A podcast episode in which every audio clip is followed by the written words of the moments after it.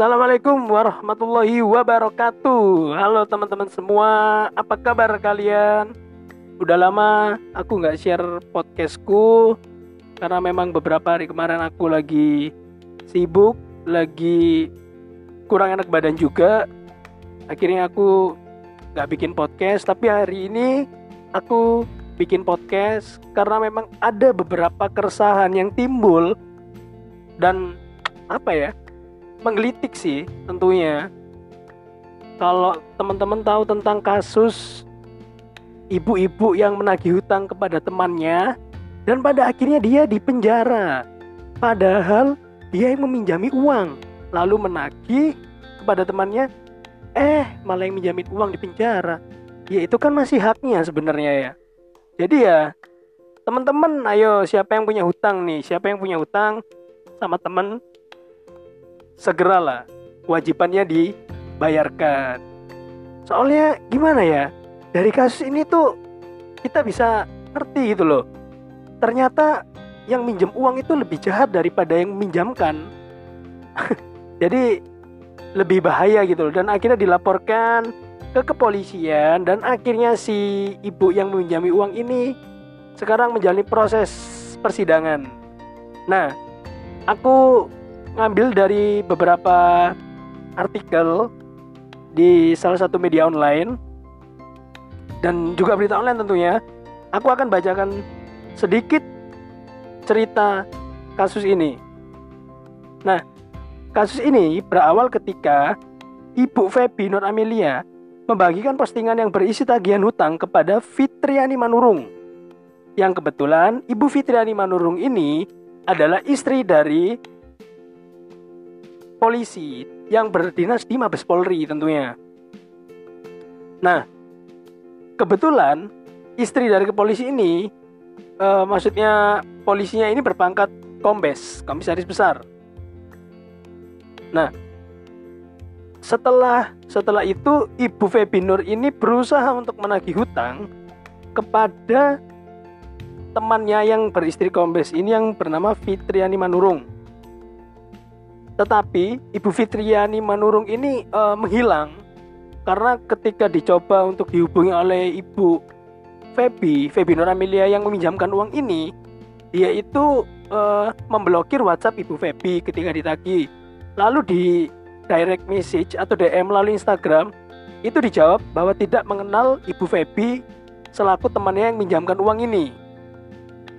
Nah, lalu Ibu Feby itu memposting memposting foto atau ya mungkin uh, langsung meng mentek ya, mentek nama ibu dari uh, Fitriani Manurung ini. Bunyinya gini. Seketika teringat sama ibu Kombes yang belum bayar hutang 70 juta. Tolong banget dong, ibu dibayar hutangnya yang sudah bertahun-tahun. At Fitri underscore Bahtiar aku sih ya orangnya gak ribet. Kalau lah memang punya hutang ini orang susah banget pastinya aku ikhlaskan. Tapi berhubung beliau ini kaya raya jadi harus diminta dong berdosa juga kalau hutang gak dibayarkan. At Fitri underscore Bahtiar. Nah ini yang punya utang 70 juta ini foto diambil sewaktu di Bandara Jakarta. Dan dia juga menuliskan horor kalau ingat yang beginian, mati nanti bakal ditanya loh soal hutang piutang. Memang benar. Kalau teman-teman yang punya hutang atau kewajiban yang belum dibayarkan, ketika nanti teman-teman meninggal atau mati, itu akan ditanyakan gitu loh. Bahwa uh, kewajibanmu di dunia itu ada yang belum kamu laksanakan. Ya, aku nggak nggak paham ya. Nggak paham banget isi dari agama nggak tahu menahu cuman yang aku pernah diajarkan oleh keluarga dan orang tuaku khususnya ketika kamu memiliki suatu kewajiban dan tanggungan apalagi itu hutang ya harus diselesaikan dan harus dibayarkan. Nah seperti kita berjanji kita punya janji sama temen atau sama pacar gitu ya kita udah janji mau keluar aku besok mau keluar sama kamu aku mau beliin kamu sepatu. Tapi pada akhirnya si pacar kalian atau teman kalian ini menunggu dan kalian itu membatalkan dan tidak ada kabar gitu loh ketika ditanyakan gimana perasaan kalian? Padahal kalian sudah menunggu-nunggu itu e, datangnya datangnya harapan yang sudah dijanjikan itu. Nah, kembali lagi di kasusnya Bu Febi Nur Amelia dan Fitrian dan Ibu Fitriani Manurung ini. Dan Feb uh, menurutku ya Bu Febi ini memposting itu karena mungkin kesal gitu ya. Ditagih itu nggak ada jawaban menghilang ya sekarang wajar lah menurutku ya wajar ketika itu diposting di Instagram karena mungkin dia itu memberitahukan kepada teman-teman sekitarnya bagi siapa nih bagi siapa yang menemukan temanku Bu Fitriani Mandurung ini bisa hubungi aku. Nah ibaratnya itu kayak memberitahukan bahwa ketika uh, orang orang-orang di luar sana bertemu dengan istri kombes ini, Ibu Fitriani ini, tolong sampaikan dong, kamu itu punya utang 70 juta belum dibayar. Maksudnya itu seperti itu. Nah, cuman kenapa Ibu Feby ini akhirnya terkena kasus di meja hijau ya karena mungkin ibu dari istri kombes eh ibu Fitriani yang merupakan istri kombes ini tersinggung atau mungkin malu ya karena nama baiknya dicemarkan gitu loh kenapa mungkin uh, hutang kok sampai disebarkan di sosial media yang akhirnya mengakibatkan semua orang tahu gitu dan dengar-dengar juga di berita online ini dituntut dua tahun penjara Nah, ya mungkin uh, apa ya? Mungkin kena pencemaran nama baik kali ya. Coba aku baca lagi. Jaksa penuntut umum Bapak Randi Tambunan mendakwa Febi melanggar pasal 45 ayat 3 junto pasal 27 ayat 3 Undang-Undang Nomor 19 Tahun 2016 tentang perubahan atas Undang-Undang Nomor 11 Tahun 2008 tentang Informasi dan Transaksi Elektronik atau ITE. Nah, ITE lagi, ITE lagi. Nah, memang ITE ini karet ya pasal karet menurutku jadi uh, kita itu memposting kalau ketika postingan itu mungkin tidak disukai oleh seseorang dan itu melibatkan seseorang juga di dalam foto itu atau postingan itu ya bisa dilaporkan gitu loh.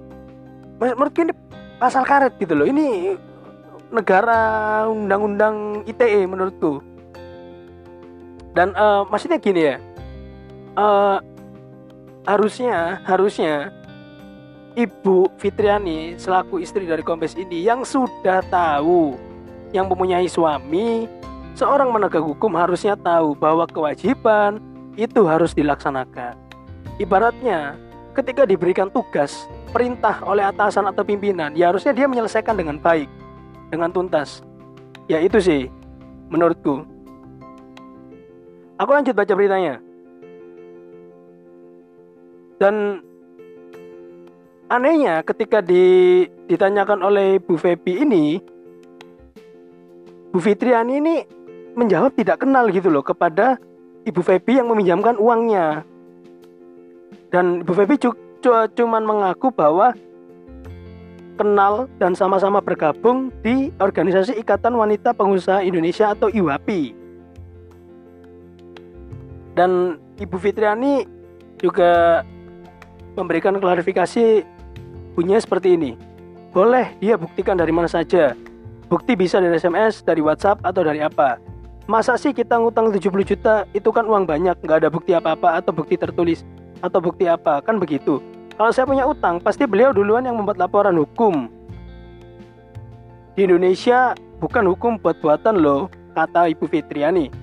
Dan Ibu Febi dituding sudah berkali-kali memposting di Instagram, di Instagram bahwa Fitriani berhutang. Bahkan postingannya disertai dengan kata-kata yang tidak baik sehingga membuat Ibu Fitriani malu. Dan Ibu Fitriani juga menjelaskan bahwa beliau sudah mencemarkan nama baik saya. Saya malu, nama baik saya sudah tercemar, makanya saya laporkan ke pihak yang berwajib. Sorry teman-teman, agak pilek. Masih ada sisa-sisa sakit kemarin. Dan oke okay, aku lanjutin. Laporan polisi tersebut sudah melewati proses panjang untuk membuktikan bahwa perbuatan Feby memposting keterangan foto di story Instagram miliknya telah menghina dan mencemar, mencemarkan nama baik dan dugaan penghinaan itu didukung keterangan ahli ITE dan bahasa. Ya, oke okay, teman-teman, itu sedikit aku apa ya ngulas dari kasus yang viral ini. uh, aku nggak tahu apa memang dia punya hutang atau enggak. Setauku ya. Setauku nih. Ini dari kacamata pribadiku aja. Ketika aku meminjamkan uang kepada temanku dan aku tidak menagih dan temanku tidak punya inisiatif untuk mengembalikan ya akhirnya apa? Lupa sama-sama lupa. Padahal antara aku dan temanku itu masih ada kewajiban yang harus diselesaikan oleh temanku. Dan aku harus menerima hakku. Aku apa? Ya temanku harus mengembalikan uang itu ke ke aku gitu loh. Yang aku bingungin kenapa gitu loh? Kok sampai kok sampai apa ya? Di penjara. Ya mungkin karena pencemaran baik yang di share oleh uh, yang meminjamkan uang ini di Instagramnya di storynya itu akhirnya mencemarkan nama baik yang meminjam uang ini secara tidak langsung gitu loh. Mungkin dia malu gitu loh ya. Ya mungkin kalau aku aku yang meminjamkan uang dan temanku itu tidak inisiatif tidak inisiatif tidak inisiatif untuk membayar ya. Mungkin aku posting fotonya dia mungkin dia akhirnya malu dan akhirnya dia nyerang aku. Ya entah itu nyerangnya bentuk apa pun lah. Aku nggak aku di sini nggak tidak men, mensudutkan kedua belah pihak antara pelaku dan korban. Pihak yang memberikan utang atau yang me, yang memi, apa yang meminjam meminjam uang itu aku nggak tidak mensudutkan siapa-siapa. Cuman aku di sini me, menggunakan kacamata pribadiku bahwa hal utang piutang itu sudah sudah aku alamin di teman-temanku di sekitarku gitu loh ketika sama-sama kita ditagih ya pasti jawabannya besok ya. Kedua ya nanti ya. Ketiga udah menghilang gitu loh. Ya tapi mungkin uang yang aku pinjemin itu nggak nggak sebesar sebesar kasus ini ya. Ya mungkin sekitar ya 200 ribu 300 ribu kayak gitu. Cuman di di usiaku yang masih belum masih belum apa ya belum apa uang uang seperti itu itu masih masih sangat berharga gitu loh apalagi kalau namanya utang ya harus di, dilaksanakan gitu loh, harus dibayarkan dan diselesaikan. Karena eh, biasanya teman-teman juga kan kalau meminjamkan uang sama temen ya hanya apa ya asas kepercayaan aja gitu loh. Asal kalian percaya, ya udah nih aku pinjemin karena atas eh, landasan pertemanan supaya kita tidak mau melihat teman kita susah ya udah akhirnya kita kita pinjamin ya udah ntar dia bilang kapan mau balikin? Minggu depan ya? Ya udah. Ketika kita ketika minggu depan ditagih dia berdalih bentar ya masih belum ada uang. Terus minggu depannya lagi bentar ya aku masih belum dikirim nih sama orang tuaku sebentar ya aku belum gajian atau lain-lain lah macam-macam alasannya. Tapi mau gimana lagi gitu loh itu hak kita yang harus kita perjuangkan kita itu membantu tapi ketika kamu dibantu ya tolong jangan menyusahkan. Maksudnya dalam, dalam arti menyusahkan ketika aku butuh uang itu ya tolong kembalikan gitu loh. Ya ini yang ini menimbulkan keresahan yang amat amat sangat apa ya sangat mengetuk hatiku gitu loh. Karena aku jadi takut untuk meminjamkan uang kepada teman-temanku atau siapa pun itu dan mungkin aku juga akan takut untuk pinjam ke temanku juga pinjam uang. Aku takut karena apa? Ketika nanti aku sudah dipinjamkan uang, lalu aku ditagih, aku sendiri itu belum bisa membayar, maka nanti aku akan melaporkan dia ke polisi atau ke ya penegak hukum. Dan akhirnya temanku ini kena kasus dan akhirnya pertemananku akan hancur selamanya padahal hanya dengan masalah uang gitu loh. Kalau misalnya masih belum bisa bayar harusnya membuat kesepakatan bahwa boleh nggak aku cicil? Boleh nggak aku apa ya? Boleh nggak aku minta waktu? Kayak gitu loh.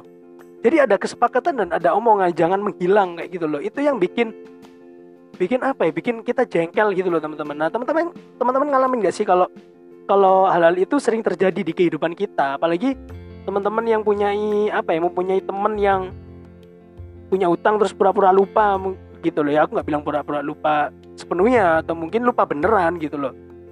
Ya pokoknya intinya dari kasus ini aku tidak menyudutkan siapa-siapa. Ini pure karena keresahan aku pribadi. Aku kaget karena ada berita ini ya. Mungkin uh, si peminjam uang dari kasus ini itu mungkin merasa jengkel gitu loh. Akhirnya memposting itu. Ya sama kalau ibaratnya ada ibu kehilangan anaknya akhirnya memposting foto anaknya bahwa memberitahukan kepada teman-temannya di sosial media bahwa bagi siapa yang menemukan anak ini tolong hubungi aku dan lain-lain. Nah, maksud maksud dari si peminjam uang dari kasus ini tuh mungkin itu dari kacamata pribadiku, tapi ya udahlah. Kita adalah negara hukum, Indonesia adalah negara hukum. Ya kita hormati proses hukum itu. Apa pun yang terjadi, semoga yang terbaik untuk kedua belah pihak. Oke, gitu aja teman-teman di podcast ngalas kali ini.